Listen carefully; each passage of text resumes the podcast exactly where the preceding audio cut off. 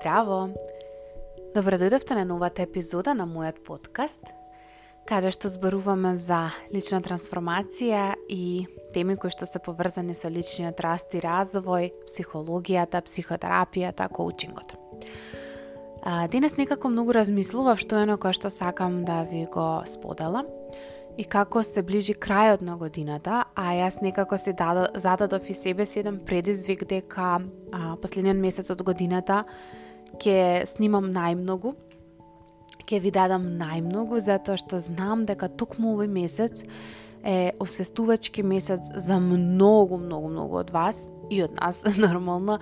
а, кои што почнуваме да се мотивираме, да работиме на себе, да се менуваме. И затоа некако размислував што е она кое што мене а, лично многу ми го променило животот, особено во процесот на а, подигнување на квалитетот на животот, менување на стандардот на моето живење и секако а, подобрување на задоволството, односно зголемување на задоволството кое што го имам. И така некако стигнав до нешто што е клучно, а можам да кажам дека а, го стекнав, не дека не сум го имала како дете, но нормално во моето детство се уште сум од таа генерација каде што а, имавме многу, конзумиравме многу, меѓутоа а, сега, откако станав мајка, нешто кое што почнав многу да го практикувам и кое што го променив, е токму минималистичкото живење. А мислам дека предходно не е дека а, не сум го имала премногу, затоа што никогаш како девојче немав премногу облека, премногу накид, премногу шминка или било што.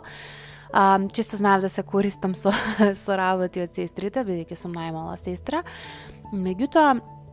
сепак имав многу повеќе а, од тоа што го имам а, сега во однос на поседување на некои работи и ситници кои што не ми служеле.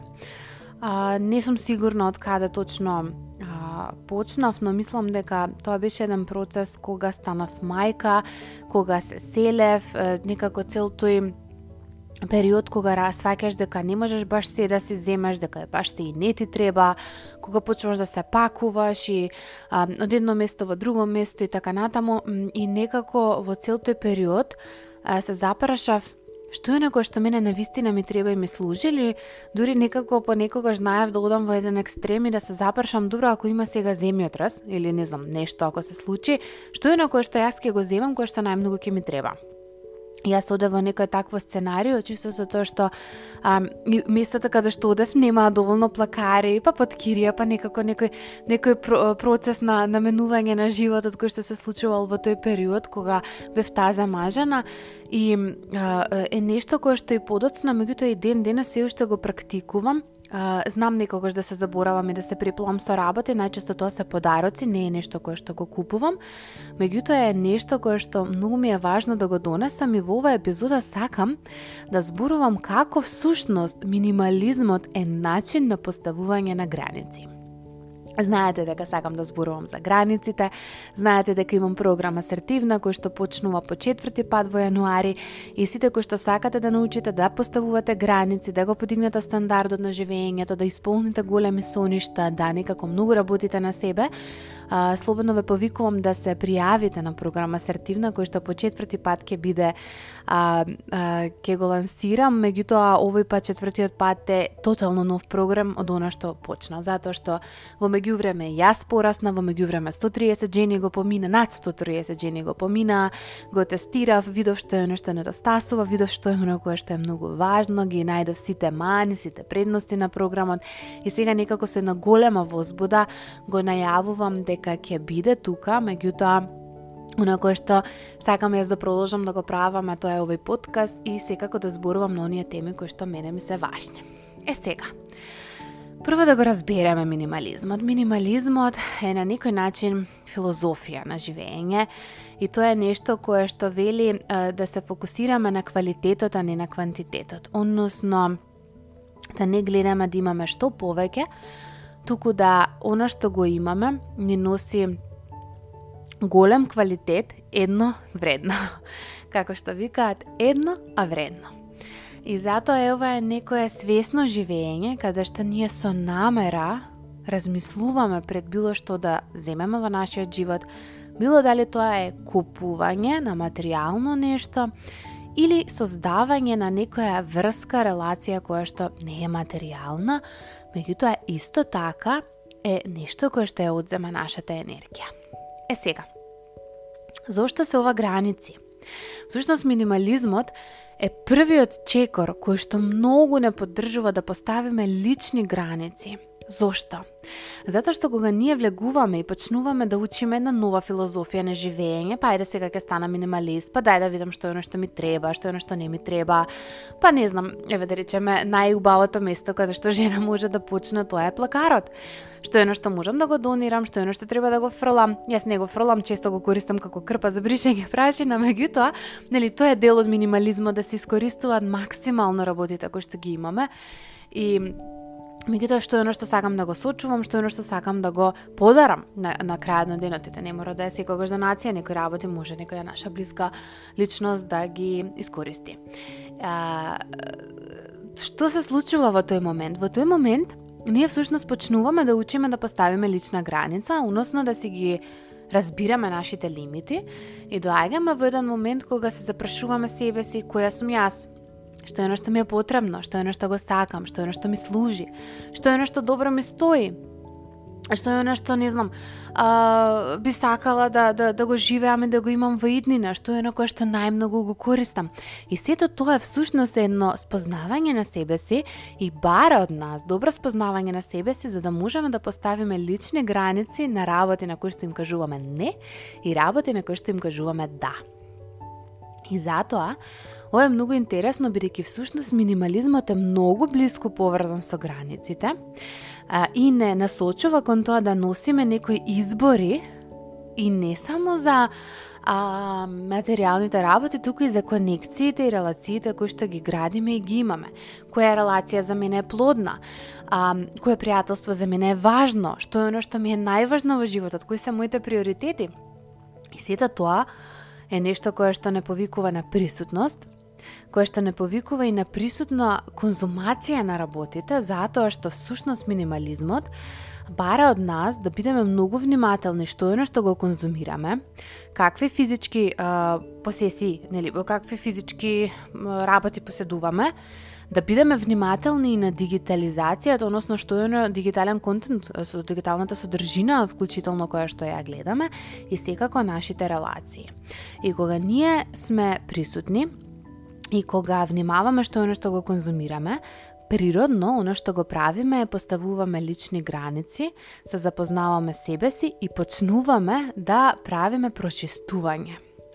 Е тоа прочестување е нешто кое што всушност јас сакам метафора и тоа е оној момент на пуштање на листата во на лисјата во есента. Меѓутоа тоа може да биде и пуштање на сувите лисија во пролетта и во летото кога цветаме за да може да никнат нови и убави. Ако ние не пуштаме, ако ние не се научиме на процесот на пуштање, ние не можеме да донесеме нешто ново. Е сега, минимализмот всушност не повикува на тоа да пуштиме многу повеќе отколку што ќе примиме. И зошто оваа тема сега? Затоа што токму 2023 година е моја година на пуштање. Не велам дека не сум пуштала, фала Богу, ние постојано пуштаме, постојано нешто ново се раѓа. Меѓутоа, оваа година многу свесно пуштав работи кои што се психички. И тука сватев дека дури и психичкото пуштање на работите дојде автоматски после 7-8 години ајде би рекла 7, може би, ете, нај, најглавни 7 од кога почнам да практикувам посвесно минимализам. А, значи, после 7 години физичко практикување минимализам, јас конечно дојдов во една позиција да почнам минимализмот буквално да го чувствувам и со моите психички процеси, кои што секако не беше така преку ноќ, значи тоа бара многу работа, многу пишување, меѓутоа секако бара и некоја околност животна. Значи, во мојот случај, ете, животот оваа година ме донесе така како што ќе имав многу завршетоци, многу пуштања, многу работи кои што не ми служат, многу преиспитување на работите кои што се во мене и секако пуштив многу забрани, многу работи кои што не ми служеа, а, и нормално си дадов себе си многу нови дозволи кои што ми служеа и најдов некако а, а, простор, односно време како тоа да го направам. И затоа сакам некако да го споделам, затоа што всушност после одреден период конзум, а, намалено конзумирање на физички работи, јас успеав истото да го пресликам и на психата. Секогаш зборувам за холизам И она кое што сакам да ви го споделам е дека многу често хаосот во нашата глава знае да се манифестира надвор. А исто така, доколку е полесно, а на многу личности ме полесно, хаосот да почнете да го чистите токму од оној физички хаос. Зошто од физичкиот хаос? Токму затоа што несвесно, кога фрламе, донираме, отстрануваме, како сакате наречете го, ние мораме да бидеме во склад со нас и да видиме што ми служи, а што не. Значи, тоа е процес кој што ние не можеме да го раскинеме од нашата психа. Значи, кога одите и барате, не знам, капсула плакар да направите, каде што имате одредена гардероба, која што едно со друго одговара, каде што можете со 10 на 15 парчиња да имате многу различни комбинации, Тие што се интересирате можете да, да гуглате, чисто да видите како изгледа овој процес, многу е интересен, многу е убав, многу е практичен. А, и нешто што е одлично за мајки, чисто за да не размислувате што да облечете од саба некако да имате веќе готови некои комбинации. И кога го правите тоа, вие морате да размислите што е оно што ви одговара. Какво е вашето тело? Па не знам, може да почне тоа процесот на, аха, окей, имам вишок килограм или не, немам вишок, им супер изгледам или и тука треба малку да да го направам ова или она или што е оно што чини, што е оно што не чини, или почнуваме некако прво физички да се гледаме, да се прифаќаме, да размислуваме кои сме, што сме, па потоа размислуваме кои бои ми одговараат, па што е нешто ми треба во овој период, па што е во кој што се чувствувам јас удобно или што не се чувствувам удобно и така натаму, и автоматски почнуваме да се спознаваме себе си. Па понатаму, што е оно кое што ми служеше, што најмногу користам, кои работи најмногу ги користам, кои работи ми го забрзуваат процесот, нели, кои работи ми носат задоволство и среќа, или Мари Кондо има многу убав начин на а, како да знаеш што да задржиш кога ќе го погледнеш парчето облека или не, некој материјален посет, да прашаш дали ова ми носи радост. И ако мене ми носи радост, јас ќе го задржам. И истото, истото важи и за психичките процеси, за пријателствата и за сите други работи. Дали оваа пријателка ме радува? Дали се чувствувам радосно, пријатно во оваа релација? Дали оваа мисла што ја имам, што ми се појавува толку време наназад, ме радува или ме вознемирува? Па дај да ја тргнам, дај да видам што е тоа што ме вознемирува. Може е реално, може е вистина, може има нешто што сака да ми каже и така натаму. Може не е вистина, ако не е вистина да ја, да ја донирам на друг, да ја фрлам, да ја уништам, буквално значи некаде да ја ставам назад. И тоа е еден процес кој што а, дефинитивно на многумина може да им помогне, така што кога ќе го расчистиме плакарот, кога ќе видиме кои сме ние, што ни одговара, што е добро, што не радува, што е на што ни служи, полека почнуваме да се ослободуваме и да си оставаме простор. Прво, го намалуваме просторот на средување на домот, Второ, немаме веќе толку голем изговор на зошто немам време да го правам ова и ова, затоа што едноставно начинот на живот веќе е поинаков, нема потреба толку многу складирање, средување и така натаму, меѓутоа се учиме и да имаме приоритети, се учиме да имаме работи кои што ни носат квалитет, се учиме да си го подигнеме нашиот стандард, а кога го, дигнува, го дигаме нашиот стандард, автоматски ги а, развиваме нашите лични граници, затоа што всушност тоа е поентата на поставување лични граници, да се заштитиме себе си, да ги заштитиме другите и нормално да го подигнеме квалитетот на живот кој што го живееме. Значи тоа е моментот на работа на себе. Поентата на работата на себе е да имаме а, поквалитетен стандард на живење, да знаеме, нели, свесно живееме, свесно бираме, свесно носиме работи за нас и така натаму, едноставно не го минуваме животот од една позиција на ништо не ми треба, ништо не заслужувам, туку напротив, е ова го можам, ова е она кое што го заслужувам, ова е она кое што ми носи добро и ми дава простор да можам да давам за другите од тоа место. И нормално кога имаме детокс на на на она кое што е околу нас, автоматски почнуваме да даваме простор за некои рутини, за некои здрави рутини кои што може да ги правиме, за некои работи нели кои што во тој момент ни служат. И затоа луѓето кои што влегуваат во минимализам многу свесно, несвесно, намерно, ненамерно почнуваат да имаат некои рутини за личен раст и развој кои што некако а, ги а, го менуваат, јас би рекла, тонот на животот, затоа што носат една поголема смиреност,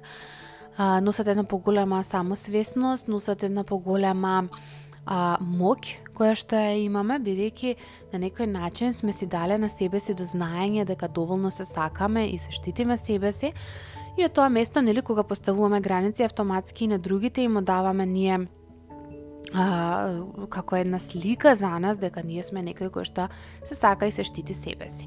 Исто така, тука се додаваме и емоционални граници. Затоа што а, кога ги препознаваме начините на кои што нели комуницираме емоционалниот лимит што го имаме и така натаму, ние несвесно сушос преку минимализмот се потикнуваме да ги поставуваме тие емоционални а, граници преку тоа што имаме нели намера каде ќе инвестираме нашата а, енергија и во која релација, нели оно што ви го донесов, дали оваа релација ми служи, дали оваа релација прави да се чувствам убаво, дали е нешто кое што ме радува. И во тој момент несвесно ги вежбаме емоционалните граници и е, дигиталниот детокс мислам дека го споделив и предходно дека носи многу голем бенефит затоа што ние се дисконектираме многу работи во светот кои што може да не преплават со страф, со непријатни информации, со маркетиншки трикови, со некои непотребни информации кои што во тој момент не ни служат и на некој начин преку свесно и минималистичко конзумирање на дигиталниот свет ние се штитиме од стрес, од преплавување, од анксиозност, од стравови, мислам, она буквално некако а, учиме да кажуваме не. и а, тие кои што не ја слушнавте претходната епизода, скокнете таму како да кажете не, меѓутоа дело тоа е а за да се практикува минимализам мора некако и да се учи да се кажува не полека полека. Односно прво почнуваме да кажуваме не на физичките работи, на оние работи кои што ги имаме ние и потоа почнуваме полека и на другите. А ве поддржувам и во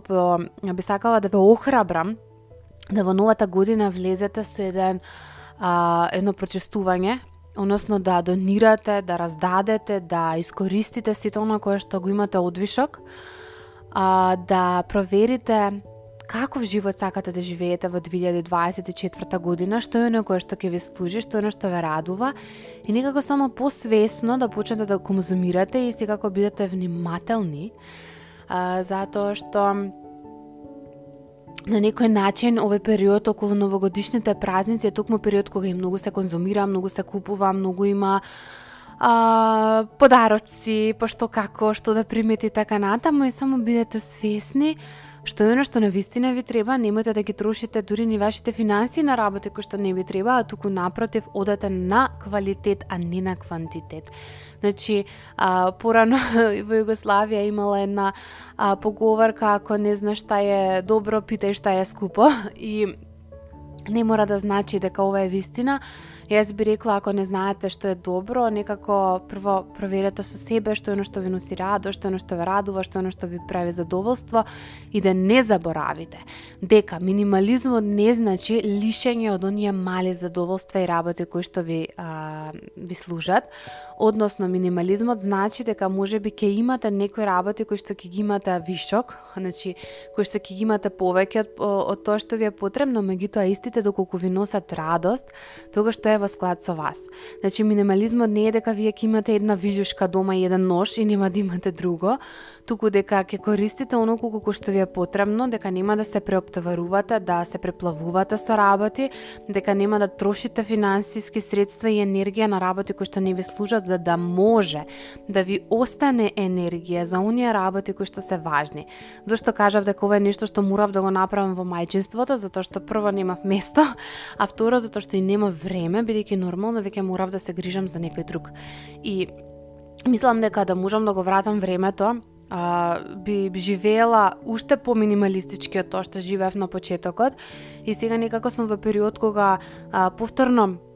гледам во минимализмот и што е оно што можам уште да го да го истиснам или да го оттргнам или да го пуштам, меѓутоа тоа не значи дека нема да воведам ново. Туку новото не секогаш мора да биде материјално, новото може да биде на некој друг, нешто друго. Ева, на пример, кога јас го тргам а, хаосот или кога јас почнам да имам минимално конзумирање на социјални мрежи, јас давам простор за читање книги.